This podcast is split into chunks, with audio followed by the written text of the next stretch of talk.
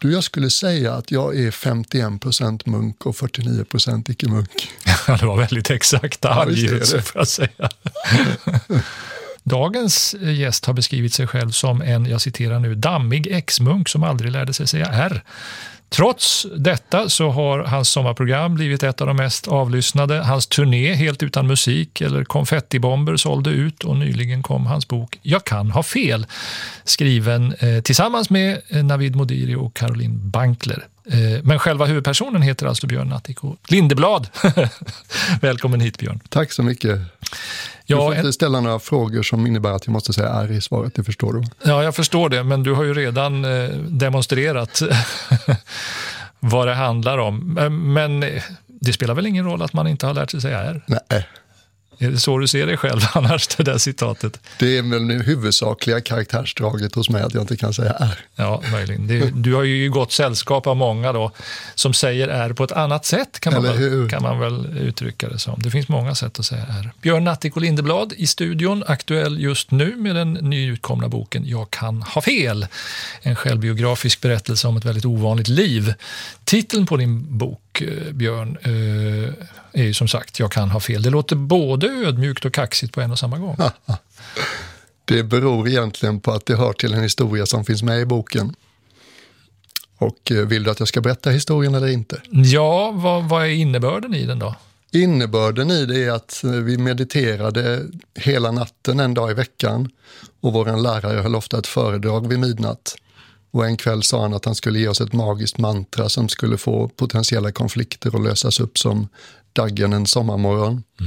Och sen alla var väldigt överraskade för att magi och mystik var inte en del av det vi sysslade med normalt sett.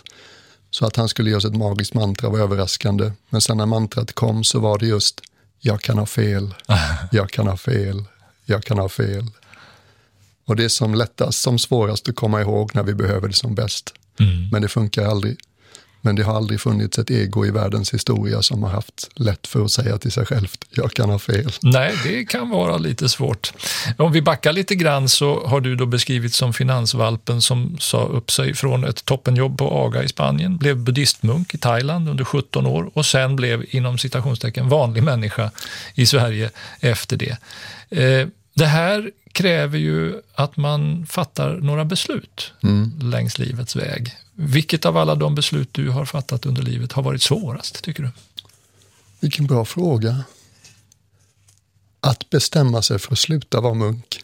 Ja. Du vet, att bli munk, då gick jag till någonting. ja. Att bestämma sig för att sluta i min karriär i näringslivet, då gick jag ifrån någonting som jag inte längre tyckte var så roligt.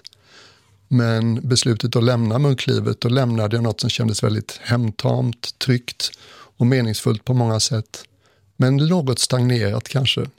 Det kan låta exotiskt, men har du gjort någonting i 17 års tid så har du liksom fått en viss vana. Ja, men det var alltså mer omvälvande att sluta vara munk än att bli munk. Mycket mer. Mycket svårt. Det låter ju lite märkligt. Jag Eller tror att alla skulle tänka att det är tvärtom. Man lämnar allt det bekväma livet som, som vi lever i, i den här moderna civilisationen. Vi som är lyckliga nog att leva någonstans där man har det bekvämt. Eh, För att leva asketiskt. För det handlar det ju om ändå eh, mm, absolut. under de här 17 åren. Att man avstår från mycket. Fast jag tyckte det var jättekul att komma till klostret. Ja, Jag led ju inte där. Nej, jag var ju förstår jag. supernöjd. Första gången i hela mitt liv hade jag hittat någonting som bara kändes som det här, det här är min grej, det här kan jag göra hela livet. Mm. Fast blev du så supernöjd med en gång? Var det inte en inkörningsperiod, höll jag på att säga, innan man vande sig vid klosterlivet? Det är klart att det fanns fysiska utmaningar och umbäranden. Mm.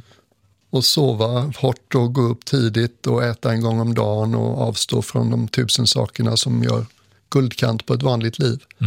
Men det var också så att jag hade haft en röst inombords som hade viskat livet är någon annanstans i många, många år. Det fanns något rastlöst och drivet i mig som alltid hungrade efter någonting annat än det jag hade just nu.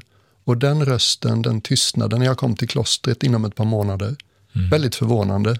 Jag bara lade märke till, wow, den är inte där längre. Jag som alltid varit så avundsjuk på de här som tycks ha veta vad de vill med sitt liv och kände att jag var aldrig en sån. Nu har jag blivit en sån. Jag har hittat min grej. Men vad var det som fick dig att bestämma dig för att bli munk? Ehm, ja du, svårt att säga. Alltså jag, som många västerländska nyfrälsta buddhister så läste jag hemskt mycket. Mm. Det finns numera, som du säkert vet, mycket bra buddhistisk litteratur på engelska. Och det fanns bara en oförklarlig attraktion i det. Det kändes som att jag har egentligen aldrig varit intresserad av religion i hela mitt liv, för det känns irrelevant. Däremot har jag varit intresserad av stora existentiella frågor hela mitt liv, men riktat mig i andra riktningar för att hitta svaren.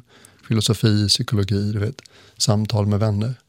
Och här helt plötsligt, på andra sidan jordklotet, hittar jag en 2500 år gammal levande vital visdomstradition som lever med de stora frågorna. Och ju mer jag läste om vad Buddhan hade att säga under sitt liv så kände jag bara wow, här finns ju visdomen jag har längtat efter hela livet. Mm. Så det var inte svårt. Men då kan man ju vända på det och undra, men varför i hela fridens namn slutade du vara munk?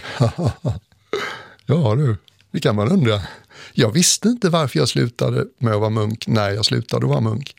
Utan vad jag lärde mig under mina år som munk, det var att lyssna till vad jag kallar den klokaste rösten i oss människor. Buddhismen gör en väldigt nära anknytning mellan meditation och visdom mm. för att kunna lyssna till den klokaste rösten vi har i oss, som är något mer lågmäld än egot, är det bra att vila en stund i stillhet varje dag och det hade jag vant mig vid. Så efter 15 och ett halvt år som munk så var det någonting inombords halvvägs in i en meditation som bara sa det är dags att gå vidare. Ja. Och jag fick inte reda på vad som skulle hända istället. Liksom. Utan det tydliga var bara grabben, det här är över nu, det här är inte vitalt och levande längre. Nej. Nu är det dags att kliva ut i osäkerheten igen. Men var det en sorts depression som drabbade dig? Eller? När jag väl kom hem så gjorde det det. Mm. Och jag var något sån här förberedd. För att jag kände vid det laget fler ex-munkar och ex-nunnor än munkar och nunnor. Det är inget man gör hela livet, utan man gör det här så länge man vill. Så de flesta lämnar liksom långt innan de dör. Mm. Och många av ex-munkarna och ex-nunnorna hade sagt till mig just, du har ingen aning om hur omtumlande det är att kliva ut ur det här. Mm. Där du är någon, där du har en roll, där du har kompetenser, där du har liksom ett sammanhang. Och så helt plötsligt kliver du ut ur det och är bara en fattig, förvirrad, sjuk medelålders singelman utan plan. Ja, och då undrar man, hur tar man sig ur det? Ja, visst. Jag skulle säga with a little help from my friends. Även om jag då hade det ganska mörkt inombords under de första 18 månaderna hemma, mycket mörkt periodvis, så möttes jag av en väldigt generös och uppmuntrande omvärld. Mina föräldrar stöttade mig ekonomiskt så länge jag behövde. Vänner bjöd in mig till sina kontor för att dela vad jag hade lärt mig som munk. Eh, SVT, Sveriges Radio, bjöd in mig och berätta i olika sammanhang om vad jag hade varit med om som munk. Så det, i min värld skulle jag kalla det karma. Under 17 års tid hade jag levt på ett sätt där jag hade fått all uppmuntran man kan önska sig och mer och mer ta fram det som är finast i människohjärtat. Och jag upplevde att i takt med att jag kunde göra det mer naturligt, ju vänligare svarade världen omkring mig. Mm. Så att världen omkring mig, trots min väldigt dåliga självkänsla under delar av första tiden när jag kom hem, så världen omkring mig sa, kliv fram, dela med dig, vi är intresserade. Mm. Och så fick jag på det sättet sakta en yrkesplattform och en roll här hemma. Ja. Hur mycket munk är du då, fortfarande? Du, jag skulle säga att jag är 51 procent munk och 49 procent icke-munk. det var väldigt exakta ja, angivelser får jag säga.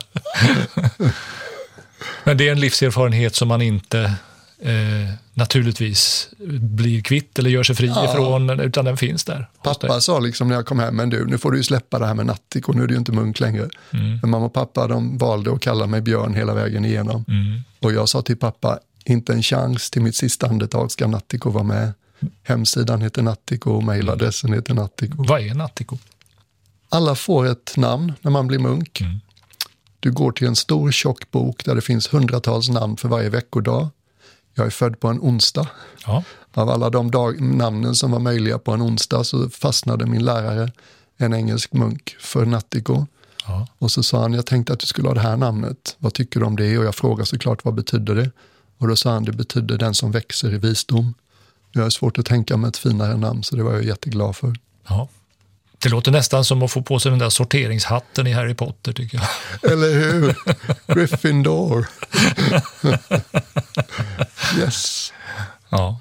Ja, så det namnet lägger man inte ifrån sig utan vidare, det förstår jag. I vintras var du ute på en turné som i stort sett var utsåld. Du, Mm. en pall, ett ljus. Det är inte så mycket glamour över det. Eller hur? Är, är glamouren inombords? Eh, ja, du, glamour. Jag tror väl inte att jag var ute efter glamour. Jag tror att jag är en av alla dem som mår väldigt bra av att dela min värld. Och nu tycks jag ha gjort det till mitt yrke. Mm. Och jag har ju verkat som talare och poddare och meditationslärare i tio år. Eh, Och så kände jag efter att jag hade fått diagnosen om en sjukdom som såg ut att göra mitt liv kortare än jag hade hoppats, tänkte jag jag vill göra en turné genom hela Sverige. Mm. För det är de roligaste tillfällena med i mitt yrkesliv när alla som sitter med har valt att vara där. Snarare än att chefen säger nu ska vi lyssna på den här grabben. Så det ville jag göra. För du har diagnostiserats med ALS Mm. för två år sedan. Hur tänkte du, hur reagerade du när du fick reda på det? Det var två saker som hände samtidigt. Som många nu för tiden hade jag googlat och Mm. undersökt så att jag var lite förberedd på att i värsta fall är det det som händer. Mm. Så på ett normalt psykologiskt plan så blev jag bestört, chockad, förtvivlad. Började gråta, hade en väldigt fin neurolog, en eh, känslomässigt påkopplad, intelligent läkare. Hon gjorde det superbra. Eh, och jag försökte ändå samla mig, jag spelade in samtalet för jag förstod att här finns information jag behöver. Mm. Eh, Så att det liksom hände, en ganska normal reaktion tror jag på ett känslomässigt plan, bestörtning, förtvivlan. Mm. Och på ett annat plan som är svårare att prata om så var det någonting som jag har varit intresserad av i närmare 30 års tid nu som jag kallar varsevarande, som var närvarande också och tillgängligt. En slags storslagen stillhet som bara tog in det här utan att rubbas eller skakas om. Mm. Och som på något sätt tog emot det beskedet alldeles tryggt och med öppna ögon. och Okej, är det det här som händer nu? Det var ingen total överraskning. Mm. Um, och jag förstår att det kan låta flummigt för någon som inte liksom är van vid att rikta sitt, sin uppmärksamhet i den riktningen. Men det har förstås att göra med att jag varit munk så länge som det har blivit någonting som är Mm. tillgängligt och levande. Det är ju svårt att spekulera, men hur tror du att du hade reagerat om du inte hade varit munk så länge när du fick den här diagnosen? Uh, mycket mera förtvivlan och bestö- bestörtning. Mm. Mycket mindre jämnmod, mycket mindre acceptans. Du säger tidigt i din bok att du byter ut begreppet mindfulness mot det som du nämnde nu, Ja. varsevarande. Ja, Varseblivande känner vi ju till som Exakt. ett ord i, språket. Exakt. Att varsevarande är mera här och nu. ja exakt. Varseblivande är ju plötsligt, liksom, jag blir varse någonting, det är ett Mm. ögonblick. Och varsevarande tyckte jag var ett fint ord som jag hittade på när jag gjorde gående meditation. För det handlar mer om ett tillstånd som, Exakt, som pågår och som varar. exakt. Mm. Och när man så att säga, det är ju bara ett ord förstås, och olika andliga traditioner kallar samma sak, en massa olika saker. Men ord har betydelse. Ord har betydelse. Och ordet Gud har aldrig varit mitt ord. Det har alltid känts lite främmande. Mm. Eh, varsevarande känns som ett ord som jag kan luta mig mot. Mm. Det du upplevde då när du fick diagnosen och eh, hamnade i detta varsevarande handlar naturligtvis också om döden. Såklart. som du har anledning att tänka på. Mm. Det har vi alla, men en del mer än andra kan man väl säga. Vad, vad tänker du nu då om det? På vilket sätt finns döden närvarande i ditt varsevarande? Ja, för det första, så det kanske inte är uppenbart för alla lyssnare, men den sortens munkliv som jag levde Mm. Var en ständig träning i att vänja sig vid osäkerhet. Så vi visste aldrig vad vi skulle få äta varje dag. Vi visste inte var vi skulle bo, för vi flyttade en gång i månaden mellan olika boenden inom klostret. Vi visste inte vem vi skulle leva med för att munkar och nunnor kom och gick. Vi hade inga pengar, så vi kunde liksom inte förse oss med det vi ville. Så att jag har fått en ovanlig träning i att leva med en förhöjd grad av osäkerhet. Mm. Och som säkert alla förstår, så som alla andliga traditioner värda sitt salt, så ägnade man sig inom buddhismen väldigt mycket åt att påminna sig om att en dag tar livet slut. Så det har jag fått en ovanlig eh, träning i. Um, jag har nästan glömt din fråga. Ja, ja. På vilket sätt är döden närvarande? Ja. Jag, jag tänker på hur du och din fru Elisabeth lever när ni nu vet att din tid är mera, vad ska vi säga, definierat utmätt än för Ja. många av oss andra. Ja, och vet du vad, vi säger kanske, kanske inte till det. Ja. Så vi håller en dörr öppen för mirakel och att vi har 20 fina år tillsammans. Ja. Och vi följer inte läkarnas rekommendation att bara vänja sig vid att dö och sådär. Nej. Utan istället så hittar vi, min fru är väldigt kunnig inom hälsa och vi har hittat andra sätt att hjälpa kroppen att klara det här så bra som möjligt. Så att vi har definitivt en dörr öppen för att jag ska kunna leva länge. Och sen, det är lite du vet det här fina svenska talesättet, hoppas på det bästa och förbered dig för det värsta. Att hålla bägge de två möjligheterna samtidigt.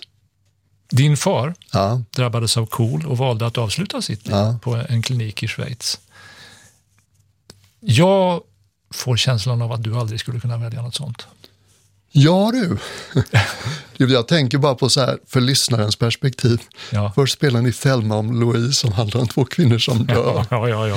Och sen är nästa låt om heartache och sen är det sjukdom. Och sen det... Det var en ren slump kan jag informera lyssnarna om faktiskt. Men ibland spelar ju slumpen in i våra liv också. Ja, för dig som lyssnar och inte vet vad Erik pratar om så dog pappa på en sån här klinik i Schweiz där man kan få hjälp Mm. om man har bestämt sig för att dö. Pappa hade en hemsk sjukdom som hette KOL. Och samtidigt som det var en väldigt sorglig sak så var det en väldigt vacker upplevelse. Eh, Den var storslagen och det fina i det var att han var väldigt tydlig med vad han ville. Och det var så tydligt genom hela processen att det är det här jag vill. Mm. Ända till sista ögonblicket. Så för honom kändes det helrätt. När jag fick mitt besked så var en tidig tanke vad glad jag är att jag vet hur det funkar med Schweiz och att jag blev livstidsmedlem i den stiftelsen. Och sen ju mer tiden har gått, ju mer har jag känt, hmm, kanske inte. Någon, jag talar, jag har min bästa munkkompis Adrian Suchito, vi facetimar varannan vecka sedan många år tillbaka. Och han berättade när han sa farväl till en gemensam vän som var ex-munk också. Och Adrian Suchito frågade honom, du har liksom haft oerhörda smärtor med cancer nu. Hur kommer det sig att du inte har sett, liksom, tittat till möjligheten att avsluta livet innan kroppen naturligt dör?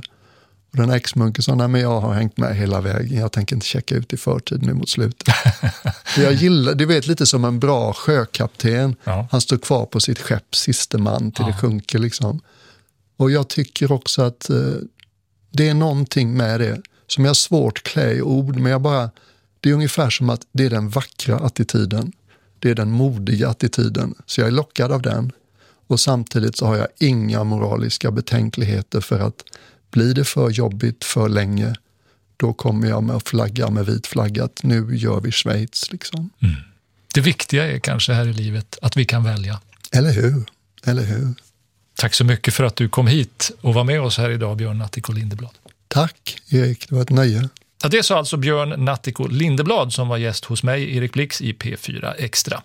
Vill du höra våra gästintervjuer live ska du lyssna varje dag klockan 13.33. Annars kan du lyssna på podden P4 Extra Gästen. Vi finns där poddar finns.